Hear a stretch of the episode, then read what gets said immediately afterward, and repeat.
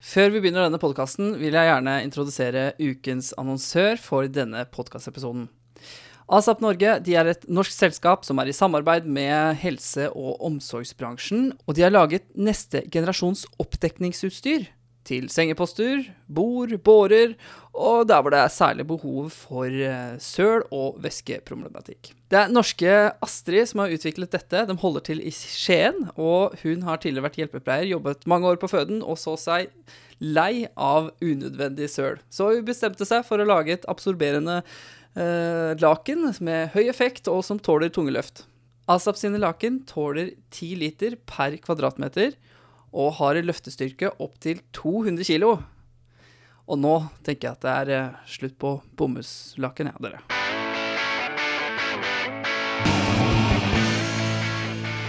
Hei og hjertelig velkommen til en ny episode av podkasten Du puster for fort. Vi fortsetter da vi var eh, forrige gang, der vi slapp forrige gang. Eh, Monica Tallinger, du er også med i dag. Du er barnelege og eh, LIS anestesilege, eller du, du jobber med å bli anestesilege nå. Du har lang erfaring med uh, å ta imot barn og resuscitering av nyfødte, og du har en doktorgrad i nettopp dette i lavressursene. I dagens episode skal vi ta for oss uh, retningslinjene til uh, NRR, og vi har valgt den som heter eh, resuscitering av nyfødte inhospitalt. Eh, hvis du skal bli med på Vi kommer til å følge, følge plakaten nedover. Eh, du kan gå inn på NRR sine nettsider, nrr.org. Eh, gå inn på retningslinjer, finn eh, HLR-plakater, og trykk deg inn på resuscitering av nyfødte inhospitalt. Dersom du sitter og kjører bil, så anbefaler jeg at du ser på dette her seinere. Eh, men, men Monica, kan ikke vi starte med egentlig på toppen, da? Hva er det som eh, Ja, det er jo litt, litt på toppen her så står det på en måte litt før, før fødselen er i gang også. Som annet om eh, barnet er født til termin. termin. Og så er det, jeg tenker sånn prehospitalt, så er det jo veldig mye informasjon man kan få eh, før babyen er ute. Som du sier, er, den, er dette her noe En baby som er født til termin, er den prematur? Eh, det vil si, er den født før uke 35, uke 36? Eh, eh, vet vi noe om mor i det hele tatt? Har hun hatt en infeksjon? Eh, er hun dårlig på noen måte? Er dette en fødsel som har starta og har gått veldig raskt? Eh, vi kan se, eller vi vet at raske fødsler gir litt dårligere med dårligere barn. Um, så du kan få en del informasjon på forhånd, så man kan forberede seg på hva som eventuelt kan møte henne. Og det du sier der er ganske interessant, fordi at eh, de fødslene vi ofte kommer til, er de raske fødslene. Og du Mhm. sier da at da, de raske fødslene er ofte de som kan gi eh, disse barna som du faktisk må resuscitere. Ja, vi vet at eh, raske fødsler, da er det, kan det være store krefter i form av at eh, utrus eller livmora trekker seg veldig Har veldig sterke kontraksjoner, og babyen er påvirka av at eh, utrus har veldig stor kraft i seg. Og når utrus trekker seg veldig hardt sammen, så påvirker det sirkulasjonen til babyen. Mm. Så raske fødsler kan gi dårlige barn, ja. Vi går videre. Um, Ja. Om barnet puster eller gråter, det har vi snakka litt grann eh, gjennom. Og, Ja. og tonus, egentlig. Ja, det som jeg bruker og Vi har øvd mye på når vi har vært eh, Når jeg har gjort doktorgraden min i Tanzania, som er det som er jo da jordmødre som tar imot babyene. Det er når de Når babyen kommer ut, og du legger den på brystet til mor, så tar du hånda di på ryggen til babyen og stimulerer. Mm. Altså gnir, og gnir ganske hardt på ryggen samtidig som du tørker. Og mens du tørker da, ser, observerer, se, hva ser jeg når jeg gjør dette her? For det vi vet er også at den tørkinga, den stimuleringa, den får veldig mange til å trekke pusten. Så hvis du bare legger ungen på brystet og ikke gjør noe, så legger de seg til, og da starter de i hvert fall ikke å puste. Så den stimuleringa på ryggen, tørke på ryggen og på hodet, den får veldig mange til å trekke pusten. Mm. Og du unngår å resuscitere, Mm. eller å måtte resuscitere, da. Og sånn som du snakka om også, så med en gang de begynner å en, gråte eller trekke pusten, så, så begynner de å trekke ut dette lungevannet sjøl, for de Ja. skaper et eget trykk.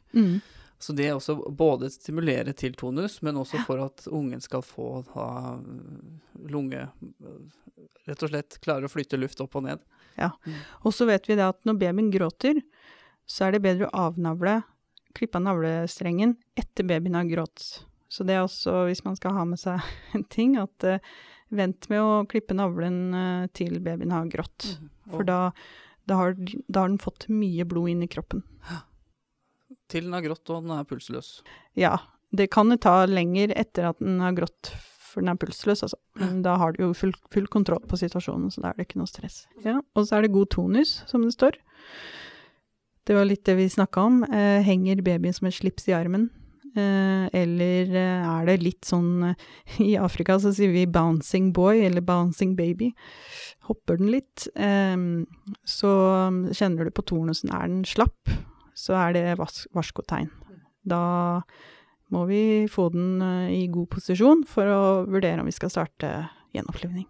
Og det er vel egentlig her Apgan-scoren kommer inn. Jeg må jo si, helt ærlig si at jeg har ikke kapasitet i hvert fall til å drive med Apgar-score på, på, dette tidspunktet her. Ja, nei, og det skal du ikke heller, fordi Apgar-score det er en retrospektiv scoring av tilstanden til babyen. Det skal man aldri gjøre i selve situasjonen. Skal alltid sette den i etterkant. Så den bare sier noe. Det er en subjektiv vurdering på hva de som var der, så og opplevde den babyen, tilstanden til den babyen. Mm. Vi vet at det er eh, som sagt subjektivt, det er ikke alltid helt uh, korrekt. Uh, men du skal ikke sette den mens du pågår. Det er noe man gjør en vurdering av etterkant. Men det er, eh, det er, en god guideline da, sånn, å ha bak i hodet at når det har gått ett minutt, så skal du vurdere eh, tilstanden til babyen. Og jeg bruker å si høyt, snakke høyt når jeg er resuscitering. Ok, nå har det gått ett minutt. Nå har jeg eh, god tonus, jeg har god farge, hjerteaksjonen er over 100. Altså jeg går gjennom de eh, fem Apgar-punktene eh, bare for meg selv, og så husker jeg det bedre i etterkant. Eh, hva som var status ved ett minutt, da. Og når man ser på algoritmen til NRR, så, så er det jo også da etter Der, der sier, de at, sier, man at man skulle ha 60 sekunder etter babyen er født for å gjøre en vurdering. Og de, går på de er på en måte innbakt i den vurderingen, de punktene til Apgar. Mm. Og da, så da er det det å Hvis du da får de initiale punktene vi har snakket om, at du har dårlig tonus, babyen gråter ikke, så må du eh, få den over på rygg i riktig posisjon og få sikra frie luftveier. Hvor lett er dette på disse barna her? Altså, hvor lett kan jeg vurdere om dette barnet har fri, frie luftveier? Det som er først og fremst viktig, er å få den i riktig posisjon. Jeg har sett så mange ganger at eh, jeg har kommet til eh, alarmer hvor eh, jordmødre da har stått og stimulert. Babyen har lagt litt sånn der klumpete på siden. Eh, så de har jo ikke vurdert egentlig om babyen puster eller ikke. Jeg har sett at de har stått med en bag, litt sånn der krøkkete over, i et mørkt rom. Så det er jo sånn Du skal ha babyen på rygg, gjerne noe under skulderen, for de har så svært uh, hode at bakhodet Eller hodet gjør at haka vil bli vippa framover. Så gjerne noe under skulderen, men i hvert fall få de på rygg, og få observert hodet, gjerne din hodeende, da, sånn at du ikke har beina mot deg, men hodet mot deg. Eh, og ser da eh, på luftveiene. Og det å sikre fri luftvei er jo rett og slett å få hodet i en nøytral posisjon. Og da skal nesa peke rett opp. Du skal ikke ha eh, hyperekstendert bakover, og den skal heller ikke ligge framover. Og det er det med nyfødte, så har de så stort bakhode at de detter ofte framover. Så du skal liksom trekke litt hodet bakover, sånn at nesa peker rett opp. Mm. Og da har du fått sikra fri luftvei. Og det er noe vi har lært også. De fleste har lært at det å padde disse, disse barna, eh, uansett om det er nyfødt, eller om det er eh, ja, hvor lenge, Jeg husker ikke hvor lenge de har så stort hode. Ja. Men det med nøytral posisjon det er ekstremt viktig for å optimalisere disse luftveiene. Ja, og de har også litt eh, stor tunge, så den kan dette litt bakover. Så eh, fri luftvei er kjempeviktig. Mm. Og så er neste punkt er å holde eh, barnet varmt. Eh, og det står litt i mindre skrift, men det er faktisk også kjempeviktig. De blir veldig, veldig fort kalde. Mye fortere enn det man tror. De er jo helt bløte, de har gjerne vernik, som er det fettet de kommer ut med. Eh, og blod på seg, og det kan være ganske Når man skal, man skal tørke de ganske godt, da, for Mm. å få de tørre. Mm. Gjerne skifte håndkle et par ganger. Og der, der sa du noe vi- før vi starta her også. Um, når jeg har hatt uh, fødsler, så har jeg uh, tenkt at OK, jeg tørker bort, uh, gjør barnet tørt. Mm. Jeg pakker inn og skrur på kupeen i, eh, i ambulansen og legger barnet da til mor. Ja. Det er ofte ikke godt nok. Nei, når jeg jobber på Rikshospitalet og Ullevål, så er det ofte at vi får eh, at barna er kalde, da. Ikke bare de vi får utenfra, men også når vi har tatt imot barna selv, og så gått fra fødende bort til, til nyfødt intensiv. Eh, man skal være proaktiv i å holde de tørre. Gjerne få på de en lue. Det beste er de der eh, hjemmestrikka ulluene. De er kjempebra. Um, det er ikke alltid man har det prehospitalt, men uh, da i hvert fall dekke til hodet, da. De mister masse Bare litt til luggen uh, ligger åpent, så mister de masse temperatur. Og de blir mye fortere kalde enn det man uh, tenker. Og man må liksom være ordentlig proaktivt. Og det legge det på hud til hud har god effekt, men da må du dekke de til over. Og det holder ikke med én, ett håndkle, da. Da må det godt, så gjerne en dyne og og alle de tiltakene er kjempefine, men allikevel, selv om du gjør det, så kan de fort bli kalde, altså. Lue er viktig. Jeg tror de fleste ambulansetjenester har en eller annen form for lue, eller en sånn uh, folielue, sånn kokkehatt, Mm. uh, eller noe slikt. Og du sier jo også at uh, kalde nyfødte barn øker mortaliteten også. Det vet vi fra forskning, at eh, temperatur eh, Når de faller i temperatur, så øker det mortalitet. Mm. Og så puster ikke Du får liksom ikke noe respons på, på stimulering eller Nei. noen av de tiltakene du gjør da, rett etter fødsel. Da må du, vi gå videre. Ja, sjekke hjertefrekvens og respirasjon. Ja. Og um, sjekke hjertefrekvens, da er det flere måter å gjøre det på. Det beste er egentlig å bruke stetoskop. Um, lytte. Og det som er relevant på en måte her, hvis du har en livløs barn, da, så er det å høre har du en hjertefrekvens. Det er ikke noe vits i å bruke og kaste bort tid på å telle den hjertefrekvensen. Eh, at du, det er ingen som krever at du skal ha et tall på 62 eller 73. Du skal telle raskt og få et idé. Er det hjertefrekvens der? Er den mer eller mindre 60, altså ett per sekund? Eller går det som et tog, at her er det bra? For har du bra hjertefrekvens, så har du eh, Da er det på en måte en, en baby som er i gang. Da må du få luft i den ungen, og, og da kommer de seg gjerne oftere. Jo mer bradikarde de er, jo mer eh, kan det tyde på at det har vært mer av asfyksi, da, eller mangel på oksygen. Mm. Og, uh, stetoskop er hovedhjelpemiddelet ditt, og ikke begynne med på en måte prøve å palpere brachialis eller eh, Nei, du kan eh, Altså, noen sier, og det er veldig mange jordmødre f.eks., som eh, kjenner på pulsasjon på eh, navlestumpen. Og det, men det har vi gått litt det har man gått litt bort ifra, fordi det, vi vet at den opphører, og særlig når du har komprimert, altså ikke komprimerte eh, eh, Compromise på engelsk, men eh, dårlig sirkulerte barn, da, så er det ikke eh, pålitelig å sjekke puls i navlestumpen. Fordi de har rett og slett så dårlig sirkulasjon. Så da må du på en måte sjekke mer sentralt eh, ved enten stetoskop. Brachialis, jeg syns, eh, jeg syns ofte det er vanskelig å kjenne, bare det å finne den. Ja, det er kjempeenkelt på store, eller på vanlige barn, men, eh, eller kan være mye enklere, men på de nyfødte syns jeg det er vanskelig å kjenne. Og å kjenne puls i femoralis kan være kjempevanskelig. mm. Selv når vi gjør barselundersøkelse sånn på første dagen, kjempevanskelig, kan være kjempevanskelig å finne femoralis. Så st- stetoskop er tingen. Eh, ja, og så har det kommet mer i guidelines internasjonalt, det å bruke EKG. Eh, så hvis du har tilgang på EKG-pads, da, sånne små nyfødte, så er det en, eh, noe som er, kommer mer og inn som er mer pålitelig måte å sjekke puls initialt, da.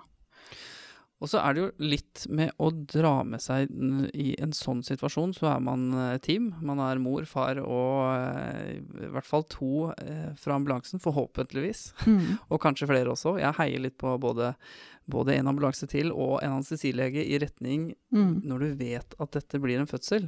Det er noen annen sak. Men det å um, informere teamet ditt også, med at hvis du som lytter bruker stetoskop, um, så er det kun du som får med deg den hjertefrekvensen, og det er ikke sikkert du har kapasitet til å vurdere i det hele tatt om den er per, hvor mange den er per sekund.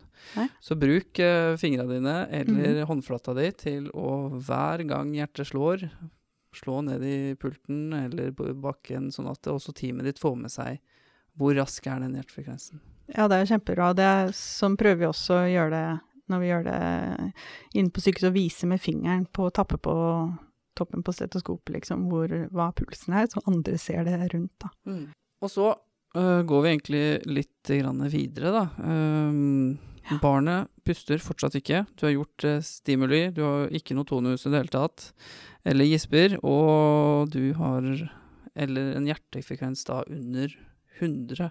Ja, jeg kan bare si at eh, det er ekstremt, det skjer aldri, så å si, at du har et barn som gråter med hjertefrekvens på 100. Så her, her er det du, ha, du ser at du på en måte har et dårlig barn eh, når du har en hjertefrekvens under 100, da. Så det er veldig, veldig Jeg tror ikke det skjer at uh, man liksom har en puls på under 100, og, og barnet gråter. Så ja, barnet puster ikke, og, eller har hjertefrekvens på under 100, da må man starte ventilasjon. Og dette jo en, ble jo en god del endringer i de guidelinesene etter 2015, eh, og det er mye større fokus på ventilasjon fordi vi har blitt mer kunnskapsrike i forhold til eh, nettopp denne fysiologien og hva som skjer eh, under fødsel og når ting går galt, da. Så ventilasjon er the key uh, moment eller issue på nyfødtresuscitering. Så da skal du starte ventilering, men ventilering av nyfødte er ikke alltid så lett, altså. Og Jeg, jeg må innrømme det at eh, selv på dukker så, så sliter man nesten med både øh, å ventilere og på en måte vurdere riktig mengde og frekvens og holde takt. Og Mhm. det er mye momenter, samtidig som det her er en stressende situasjon. Uh, og ut fra de erfaringene du har fortalt meg tidligere i dag, som du kan fortelle litt om nå, mm. det er ikke så lett å ventilere dem, altså. Nei, det er ikke det. Og, og, og det som jeg ikke liker med de dukkene vi hører på, er at de har jo luftfylte lunger. Og det er rett og slett bare sånne små plastikkposer som du skal fylle med luft. Men i real life, da, så er det jo nettopp det at eh, lungene er fylt med væske. Og du skal kan tenke deg at når du skal starte å ventilere, du skal presse luft inn i de lungene, så skal du dytte bort den væska som er der. Den skal ikke komme opp av luftveiene kan ikke suges opp, for de ligger langt nede i lungene, den væsken, så den skal presses ut, ut i det interstitielle rommet. Um, for å simulere på en måte det som skjer eh, i fysiologien når du har frisk baby. Så den væsken skal presses ut, og da er det sånn at du vil ikke, før du har etablert det vi kaller for FRC, Functional Residual Capacity, som vi snakket om i stad, du vil ikke se brysthevning før du har fått godt med luft ned i lungene. Så det jeg opplever når jeg står og ser på andre gjenopplive, eller jeg har sett masse videoer, det er at um, veldig mange får veldig panikk, for de Mm. føler at jeg får ikke luft. Jeg får jo ikke luft i den ungen. Eh, og da begynner man å endre på posisjon av maska, man endrer på bagen, hodeposisjon, man tar kanskje maske bort og suger i luftveien. Men det som sannsynligvis skjer da, er at du, etablerer du, presser du må presse bort den væsken. Så det er det som tar tid for å oppnå luftfylte lunger, da. Eh, og da, da når du har bagga og stått og holdt den, og fortsatt å bagge og ikke gitt deg, plutselig så løsner det, og da ser du brysthevning. Da kjenner du det i motstanden i bagen. Du kjenner at det vi kaller for compliance, altså motstand i, i eh, respirasjonssystemet, endrer seg, og det er lettere å få luft inn. Og du ser brysthevning hever seg. Og du en, får en følelse på når du trykker på bagen, hvor mye du skal trykke inn for å, for å heve brystet. Mm. Men sånn, eh, hvis vi går litt tilbake, så er det når man skal starte ventilasjon, så bruker vi eh, Det er vel det dere har i ambulansen også, maskebag. Og en sånn nyfødt maskebag, den, hvis dere ser på den neste gang dere er i ambulansen, så er den litt annerledes enn voksenbag. Den har en liten ventil på toppen, helt foran, som vi kaller for pop-off-ventil. Det er vanlig pediatrisk, eh, på pediatriske bager og nyfødtbager. Og det er en trykkventil for å hindre at overtrykket blir for stort. Så når du trykker på bagen, eh, og du holder på en måte motstand i maska, så vil du høre at den lekker. Eh, og den lager en sånn lekkelyd. Og den lekker eh, når det er ca. 35 cm vann. Og det er da det topptrykket du får. Det vil si når du presser luft inn i lungene, på toppen av inflasjon, eller inspirasjon. Trykker pusten inn, og så er det det trykket du har eh, da eh, på toppen av inflasjonen din, da. Um, og den regulerer det topptrykket. Um, for, for, for, en naturlig del at uh, Vil jeg se for meg, se for meg ikke minst det, de som har ventilert et, et lungedem på en voksen pasient, skjønner hvor vanskelig det er mm. å ventilere med noen med, med væske i lungene. Uh, men en naturlig del vil jeg se for meg hvis du ikke klarer å få uh, ser brystbevegelse på barnet når du prøver å ventilere, mm så vil du jo eh, naturligvis prøve å nesten presse inn litt mer luft, og du blir litt stressa. Du prøver å øke hastigheten. Men det som er så viktig, det du sier nå, er at, det, eh, at du skal presse ut den væsken, og til slutt så får du på en måte trykk, og du vil se at brystkassen hever ja. seg. Og det er, ikke, det er viktig at det ikke øker på frekvensen. Vi har sett fra den forskninga vi har gjort i Tanzania, det er mange hundre barn, at uh, sånn ideell frekvens er nærmere 30 enn 60. Og uh, vi har sett at det volumet de trenger, er ca. 10 ml per kilo i tidalvolum, da. Det er litt høyere enn det som er anbefalt fra før. Problemet er at uh, det er ingen av oss, verken i Norge eller noe sted, som vet hvor mye tidalvolum vi faktisk gir, for det er ingen som måler det. Så det blir bare et teoretisk tall. Men, men eh, du skal ha godt med volum helt initialt for å, for å åpne lungene. Og det er veldig mange som er redd for eh, for høyt trykk og for høyt volum i forhold til å skape pneumotoraks. Eh, og det er, eh, når man ser på nyfødte intensivavdelinger og sånn, så får vi ikke så uvanlig med pneumotoraks etter resusciteringer. Men om det eh, Det er nok ikke fra den helt initiale rekrutteringen, det kommer eh, kanskje fra ventilering etterpå.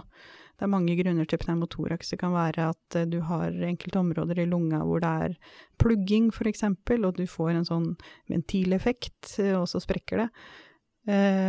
så akkurat i helt initiale fasen så er det viktigere å åpne lungen og få ventilert den med luft enn å bekymre seg for pneumotoraks, altså. Mm. Så du skal og den, den uh, nyfødtbagen, har ca. 250 milliliter. Uh, og du skal jo selvfølgelig ikke skvise den til, til den er helt tom. Men uh, gjennomsnittlig så vet vi at selv gode resuscitatører på nyfødt har 50% maskelekkasje. Så det er en god del maskelekkasje uansett hva du gjør. Og det viktigste er at, den, at luft går ned i lungene, da. Du vil uansett få maskelekkasje. Men eh, det som er viktig for eh, Hvis vi drar det litt tilbake til enkel Snakke litt enklere, så er det Når du ser på den masken som vi skal bruke, så er det et eh, indre diameter i det hullet. Altså på masken. Og den indre, indre hullet på maska skal dekke nesa og munnen til babyen. Eh, og så skal du holde med et skjevegrep, og det er det ofte som når jeg ser eh, og lærer bort, at man syns er vanskelig. Fordi veldig mange er veldig forsiktige, men du skal trykke Jeg bruker å ha tre fingre, da. Én finger foran og bak på maska, og én finger under kjeven. Beinet på kjeven.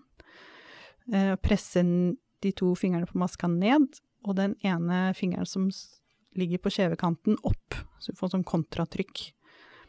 Eh, for å hindre maskelekkasje. Eh, det som er viktig med nyfødte, er at særlig hvis du er, har litt større hender, eh, er at du legger hånda ned på halsen, så vil du veldig lett komprimere luftveien. Så bare få Bruk tre fingre, holde maska med tre fingre, og hold de andre fingrene opp i lufta for å unngå å trykke på halsen. For da trykker du veldig lett ned eh, larynx.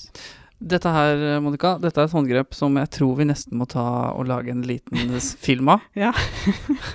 for å hjelpe meg og mine kolleger. For, ja, det er litt vanskelig å forklare på ja, podkast. Dette, dette, må vi absolutt lage en film av. Så du, um, når du Mhm. hører på dette, så ligger det en film ute som du kan gå inn og se på. Du, nettopp dette håndgrepet. Mm. Så starter du ventilering, og da er det som sagt den der frekvensen, da. Og det kan være vanskelig um, å Særlig når man er i en ja, Det er så stressa situasjon, og da bagger man mye fortere enn det man tror. Og jeg gjør det, alle gjør det. Det er kjempevanskelig å holde frekvensen, altså. Um, Men du sa optimal, optimalt 30 i minuttet. Ja, guidelines til NRR sier 30 til 60. Eh, så har vi sett på den forskninga vi har gjort, at nærmere 30 er kanskje bedre enn eh, raskere, da. Mm.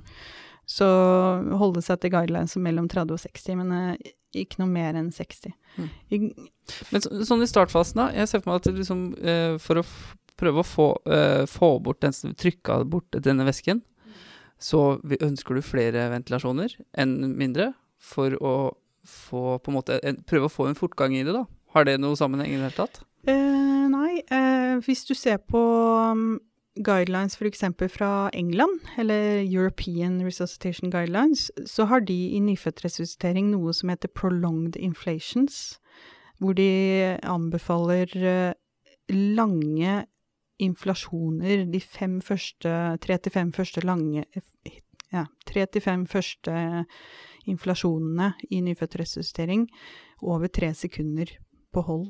Så de anbefaler Altså, det er ikke norske guidelines, og heller ikke amerikanske, men de anbefaler heller sånn lange, seige innblåsinger eh, helt initialt, da. Så, og det er nettopp fordi man tenker at man skal få bort den væsken og få rekruttert de i lungene. Så um, Så her er det egentlig bare ned med skuldrene, Ja. prøve å puste litt sjøl, mm, og så konsentrere seg da om ventilasjonen til dette barnet. Ja. Og alt annet Altså, du som sitter med disse luftveiene, må mm. nesten drite i alt annet, altså. For Ja, dette Du her det.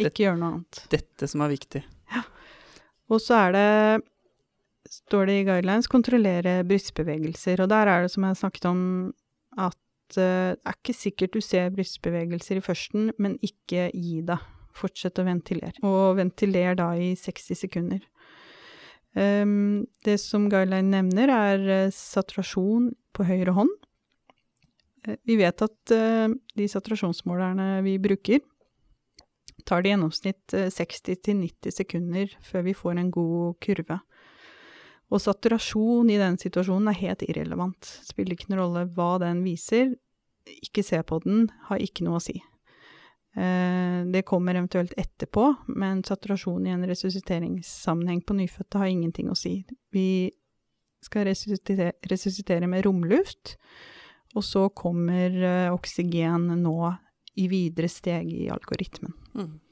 Vi kan jo kanskje si noe om det også. Hvorfor er det valgt å, å resuscitere på akkurat uh, romluft? Hvorfor, mm. hvorfor velger man ikke da å pøse på, sånn som vi gjør på hjertestanser, med, med hund, altså, ti liter på maske og fullt reservoar?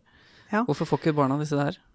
Nei, det har vært en god del forskning på at uh, oksygen kan være skadelig for nyfødte. Det danner frie radikaler og kan være skadelig for uh, eh, hjernen. Um, så det har gått uh, mer og mer ut. Det har vært en god del diskusjon rundt det, og det er vel fortsatt litt diskusjon internasjonalt uh, når man lager guidelines, men, men uh, det er vel etablert at man ikke trenger å bruke oksygen i de initiale stegene, og, helst ikke nettopp av at det kan være skadelig, da. Men det kommer videre i når vi kommer nedover. Ja. Det kommer, altså det kommer, ikke i starten med oksygen, men det kommer, kommer senere. Og så huske på at nyfødte har lavere oksygenmetning i blod når de blir født. Så det er ingen, eh, ikke noe mål å nå opp til 95-98 eh, i denne fasen. Når du snakka om barn, barnet lå inni hos mor, så snakka du om at den hadde metning på rundt 80, var det det du sa? Mm. Ja. Og da, i tillegg, så er den da uh, babyen utsatt for en, en, ekstrem påkjenning da under fødsel, mm. og har, uh, har svært lite oksygen. Så en metning så tidlig i fasen, sånn som du sier, har ingenting å si. Nei. Det, det som saturasjonsmåleren sier nå om, er jo eventuelt pulsen. ikke sant? Så det er, den, det er den som er viktig. Og det er det når vi har lært opp eh, resuscitering i Tanzania og i andre steder, så er det følger vi bare puls. Fordi pulsen er en kjempegod feedback på det du gjør, om det du gjør er riktig. Du vil se at pulsen øker som et tog som akselererer så fort du får luft i babyen, og det tar bare få sekunder. Og det er kjempemorsomt å stå ved siden av og høre med stetoskopet at pulsen bare fra gå, går fra å være sakte og øker opp til 120 på få sekunder. På få sekunder. Og når, da, når, du da har fått den pulsen, at den er eh, godt over 100, så kan du virkelig senke skuldrene, altså. For da må du bare ventilere og vente til at babyen trekker pusten. Eh, da har du på en måte kontroll, da. For nå vet du at nå er det sirkulasjonen er oppretta, og du har mye mer kontroll over situasjonen. Vil du se en pulsøkning før du klarer å eventuelt se hevelse på brystkassen nå, eller kommer det litt Nei, men vi har sett i Det er litt vanskelig å si, men vi har sett i forskninga vår at det er eh, mange barn som trenger resuscitering som ikke har lav puls. Eh, fordi de trekker ikke pusten, men de er kanskje ikke så langt ut i den asfyktiske prosessen at de har blitt eh, bradykarde ennå. Så vi har sett at det er mange som kommer ut og trenger hjelp med pusten, men har puls på 110, da. Men puster ikke selv. Så mm, du kan mm, ja. Du kan godt ha en eh, med høy puls uten uh, egen respirasjon. Da går det veldig, ofte veldig fort når du begynner å ventilere, at de trekker pusten og gråter. Mm. Så én sitter da med ventilasjon, én sitter og følger med på pulsen, rett og slett, for ja. å mm. få med dette her. Og, og, hvis man har kapasitet, overvåke også med, med EKG ja. og sette på en probe for å få kanskje ikke metningen, men få en, ja, pulsen. En pulsen ja. ja. Mm. Og så du da, skal du da ventilere i 60 sekunder i ett minutt og gjøre en reevaluering. Mm. Og det som skiller seg fra tidligere og fra kanskje voksen HLR her, er at uh, du skal da sjekke luftveier og ventilasjon. Og, og da har jeg fortsatt frie luftveier. Har jeg hatt mye maskelekkasje? Uh, og vurdere uh, Hvis du har brukt neopuff, altså dette er noe man bruker inhospitalt, så kan man eventuelt øke inspirasjonstrykket. Er det nødvendig for intubasjon? Uh, og så skal man da har man vurdert uh, dette her, skal man fortsette å ventilere i ett minutt til, da. Mm. Jeg syns at intubasjon, det er noe man ikke skal begynne å tulle med. Uh, det er vel de færreste som skal begynne med det. Fordi det er eh, Og det vet vi, det har vi masse tall på. Vi vet det er så få nå som intuberer nyfødte, selv på de høyteknologiske sentrene som Rikshospitalet og Ullevål. Så at man får veldig lite um, erfaring på det. Og det er ikke så lett. Det er små forhold, og den tuben disloserer veldig lett. Det er uh, ikke sånn som på voksne at den kan liksom slarke litt i munnviken. Eh, det er veldig korte forhold, og det skal ikke mange millimeterne eller centimeterne til for at den tuben disloserer. Mm. Så og, og bare å få den på plass kan være vanskelig.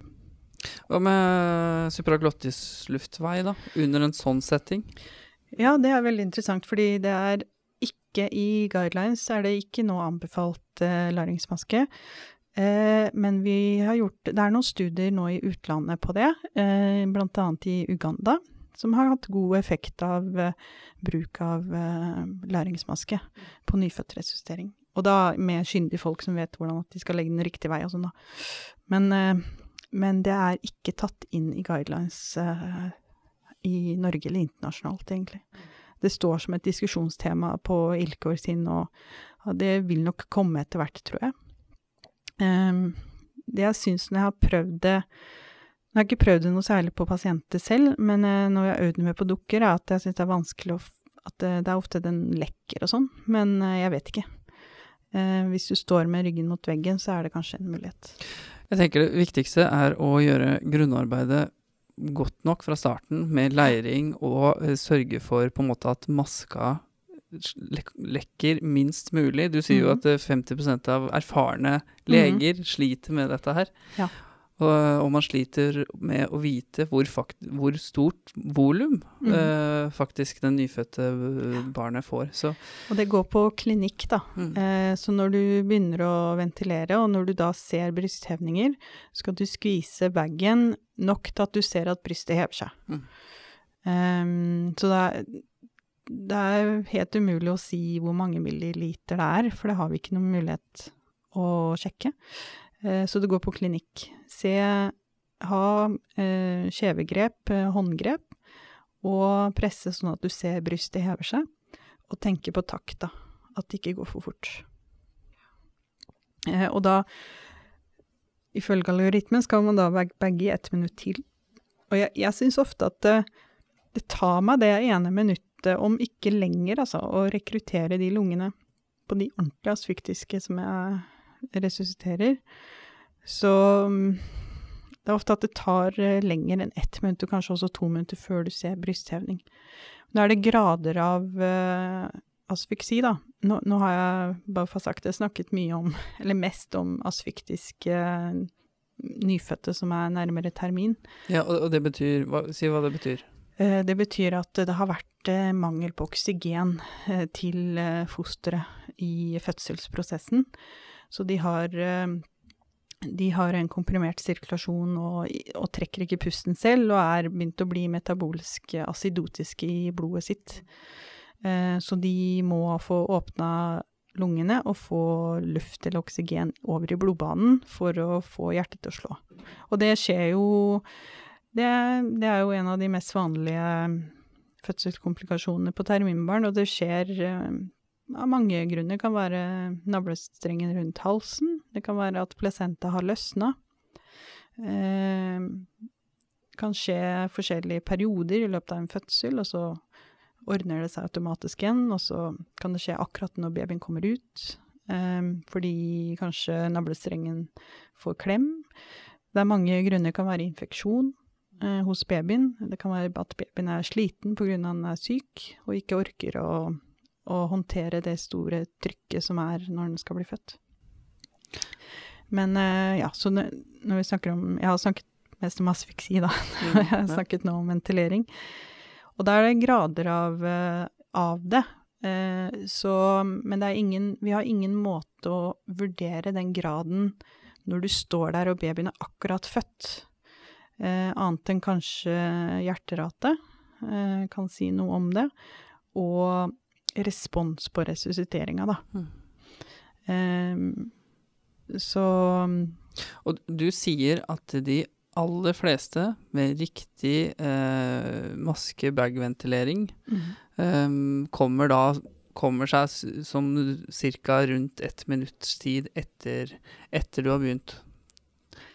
Ja, jeg, jeg syns det varierer veldig. Ja. Eh, Men ja, veldig mange kommer seg rundt ett minutt, eh, to minutter. Men det kan være Noen ganger jeg har stått og ventilert lenger enn det, og jeg har vært eh, stått og ventilert, og de har trukket pusten og grått etter åtte minutter. Altså, det, det varierer, men de de aller fleste er jo ikke sånn alvorlig, alvorlig asfyktiske, og da tar det kortere tid å få det i gang, da. Men her er det altså, i guidelinesen så er det altså to minutter ventilering, så her gjelder det bare å ha igjen is i magen. Mm. Bare prøve å senke skuldrene og prøve å få luft til dette barnet. Ja. Og så fort du har puls, slapp av, ventiler, ikke stress. Da har du kontroll på situasjonen. Mm. Eh, når pulsen har kommet eh, godt over 100. Og så skjer ikke det, da. Nei.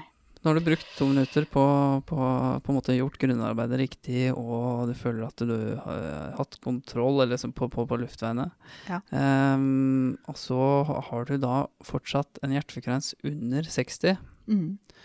Altså hvis du føler, og Det er viktig her at du føler at du har kontroll på ventilasjon, at du ser brysthevning, du har ventilert nok, holdt jeg på å si, til å, til å, å, og føle at jeg får luft her, det går greit, men jeg får ikke puls over 60.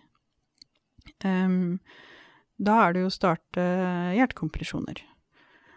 Og da skal man sette på 100% oksygen. Og når vi, vi har akkurat hatt fagdag hvor jeg jobber, og alle glemte det når vi kom til det punktet. Mm. Eh, men ifølge guideline så skal man sette da på 100% oksygen, og så skal man starte hjertekompresjoner. Ehm, og da er det verdt eh, da, står det ifølge guidelines at man skal Altså det er tre til én. Eh, eh, er det ca. 120 per minutt. Um, ja, ja. Og Så det går fort, da.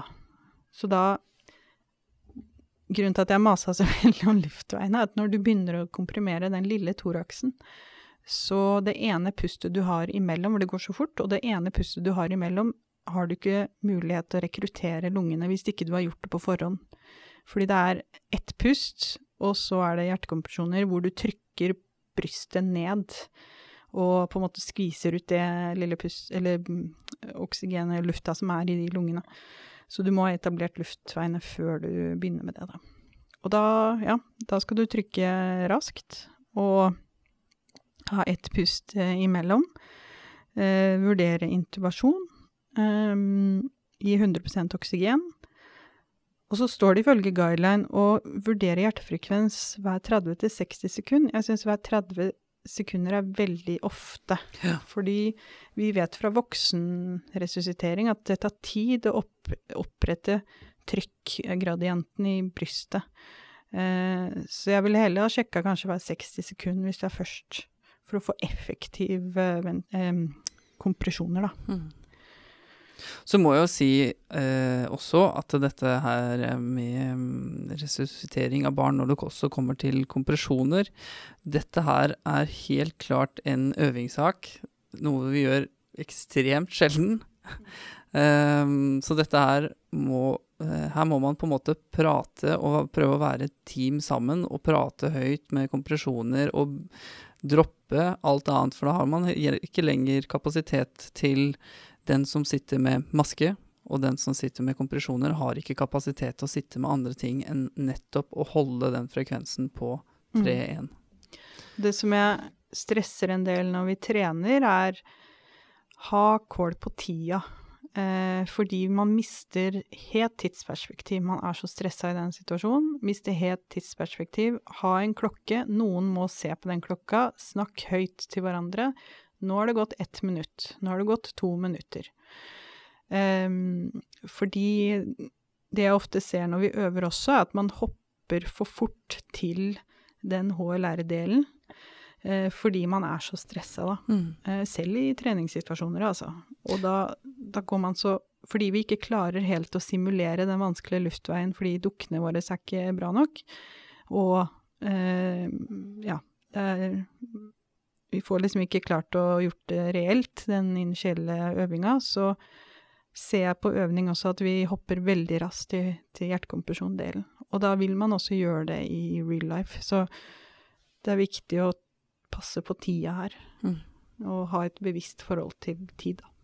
Og akkurat den kjenner meg igjen i også i, altså, i treningssituasjon. At man er så fokusert på, på ventilasjonene eller kompresjonene at tiden, den, den glemmer man litt. Og så Mm. glemmer man kanskje å sette på den toppklokka eller ha den klokka på, på, på maskinen. som, som hjelpemiddel. Så det kjenner man godt igjen i. Det, men det, der har man igjen, da. Så lenge man Jo mer man trener på dette her, jo mer sitter dette her i ryggmargen. Og man klarer dette den dagen du skulle være uheldig eller eh, og faktisk må resuscitere et barn. Mm. Ja, så da er jo videre da i algoritmen at man skal fortsette HLR til hjertefrekvens er over 60.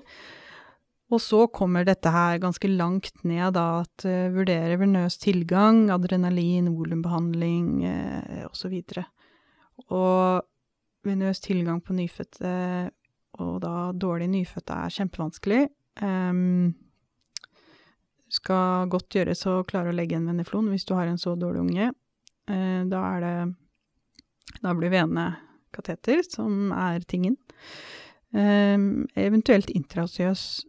Det er um, Intrasiøs er jo veldig fint i teorien. Jeg har gjort masse intrasiøse, og det På nyfødte er det kjempe det er, det er ikke alltid eh, vellykka. Jeg så en studie fra Canada hvor det var sykepleiere prehospital som hadde lagt eh, intrasiøse, og de hadde su suksessrate på under 50 Fordi de, de, har så små bein, man skal jo sette det i tibia, og eh, nåla går ofte igjennom. Det spørs om man har drill eller en sånn manuell intraosiøs, da. Eh, nåla går ofte igjennom, den disloserer. Eh, jeg har brukket bein på nyfødte en gang. Eh, det er mange år siden. Eh, da var jeg veldig ivrig og brukte en sånn manuell Det var i Afrika. Jeg brukte en sånn manuell sak og la på trykk og kjente at beinet brakk under mm.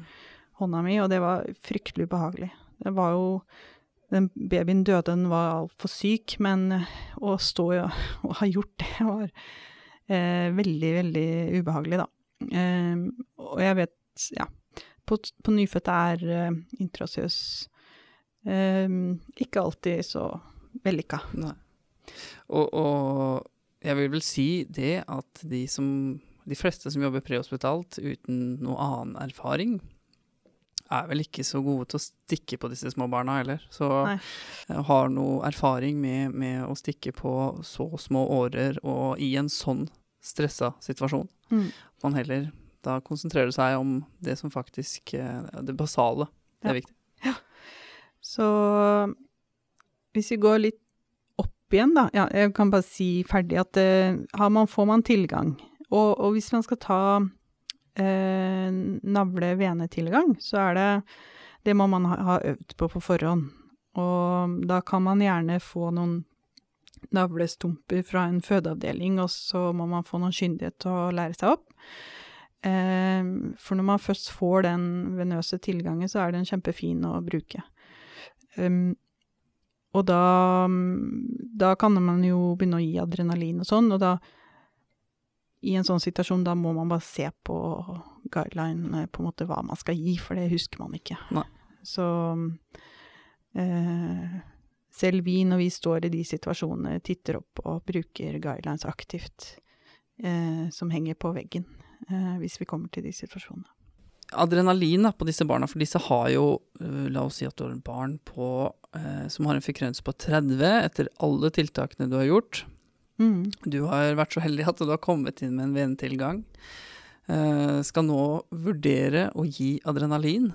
Hva slags effekt vil dette ha på, i riktig dose, da, uh, på barnet til hjertet? Jeg vil jo se for meg at uh, adrenalinet vil øke, øke, frekvensen til barnet. Ja, det, det ser jeg ofte når jeg er ute og jobber i lavressursland, at du får en midlertidig økt frekvens. ofte når jeg er ute og jobber, så har vi jo ikke den mulighet for intensivbehandling videre, så det er ofte jeg ser at de får en midlertidig frekvensøkning, men så er hjertet så asfyktisk eller slitent at de klarer ikke å opprettholde det. Så da må man jo videre til en intensivbehandling, mm. hvor man får uh, intravenøs pressorbehandling, da. Uh, så ja da, det, uh, det kan godt ha godt, god effekt på økning av puls. Mm. Et annet interessant spørsmål der er jo Vi vet jo at Um, dette er skjøre barn. De har skjøre årer. Uh, hodet er kanskje spesielt utsatt. Um, øke da trykket så mye med adrenalin til, eh, til hodet, og hvis dette gjør noe med karer Kan det ødelegge karsengene til hodet, eller noe sånt noe? Nei, jeg hadde ikke vært uh, redd for det. Altså det som Hvis du har kommet til det punktet, så er uh, Har det vært uh, hypoksi til veldig mye organer, eller til alle organer. Og det vi ser på intensivavdelingen når vi begynte å ta blodprøver av disse barna, er at de får organsvikt. Så de får nyresvikt, leversvikt. og de har allerede hatt en hypoksi til hjernen, da. så um, det er vel ikke det er som regel ikke høyt blodtrykk som er et problem, det er lavt eh, blodtrykk pga. Eh, hypoksi og altså De er jo veldig acidotiske. Eh, men det blir jo da som intensivbehandling videre som må vurderes. Men i en sånn resusciteringssammenheng så gir du de adrenalindosene, og så må du få gitt over den ungen til noen mer kyndige ja. mennesker. Ja. Um, det som også står i algoritmen her, hvis man ser på plakaten, her nede i venstre hjørne, så står det litt om saturasjon. Og det er kanskje greit å ha med seg når man er i ambulansen, for man har kanskje en reisevei, eksempel. Og det er å vite at uh, metningen uh, går uh, ikke opp til normal på et friskt nyfødt barn før det har gått en 10-15 minutter. Så du trenger ikke gi oksygen til en nyfødt hvis den har eh, ja, 75 i metning etter fire minutter. Mm. Og den skriker og er fin. Mm. Igjen, prøv å slappe av. Mm. Ned med skuldrene og, og dra opp eh, Dra opp eh, Algoritmen. Dra opp algoritmen og gjør deg, gjør deg, kjent med den. Og så, hvis vi går tilbake i algoritmen, så er det det um, før hjertekompresjonene, den lille gule boksen. Hvis hjertefrekvensen er over 60, og barnet ikke puster, så skal man selvfølgelig fortsette å ventilere. Mm. Og da syns jeg det er ofte at uh, de starter å puste, altså du ser at brystet begynner å trekke seg inn. Uh, de får noen ganger sånn massivt med inndragninger før de begynner å puste. Det kan se litt dramatisk ut.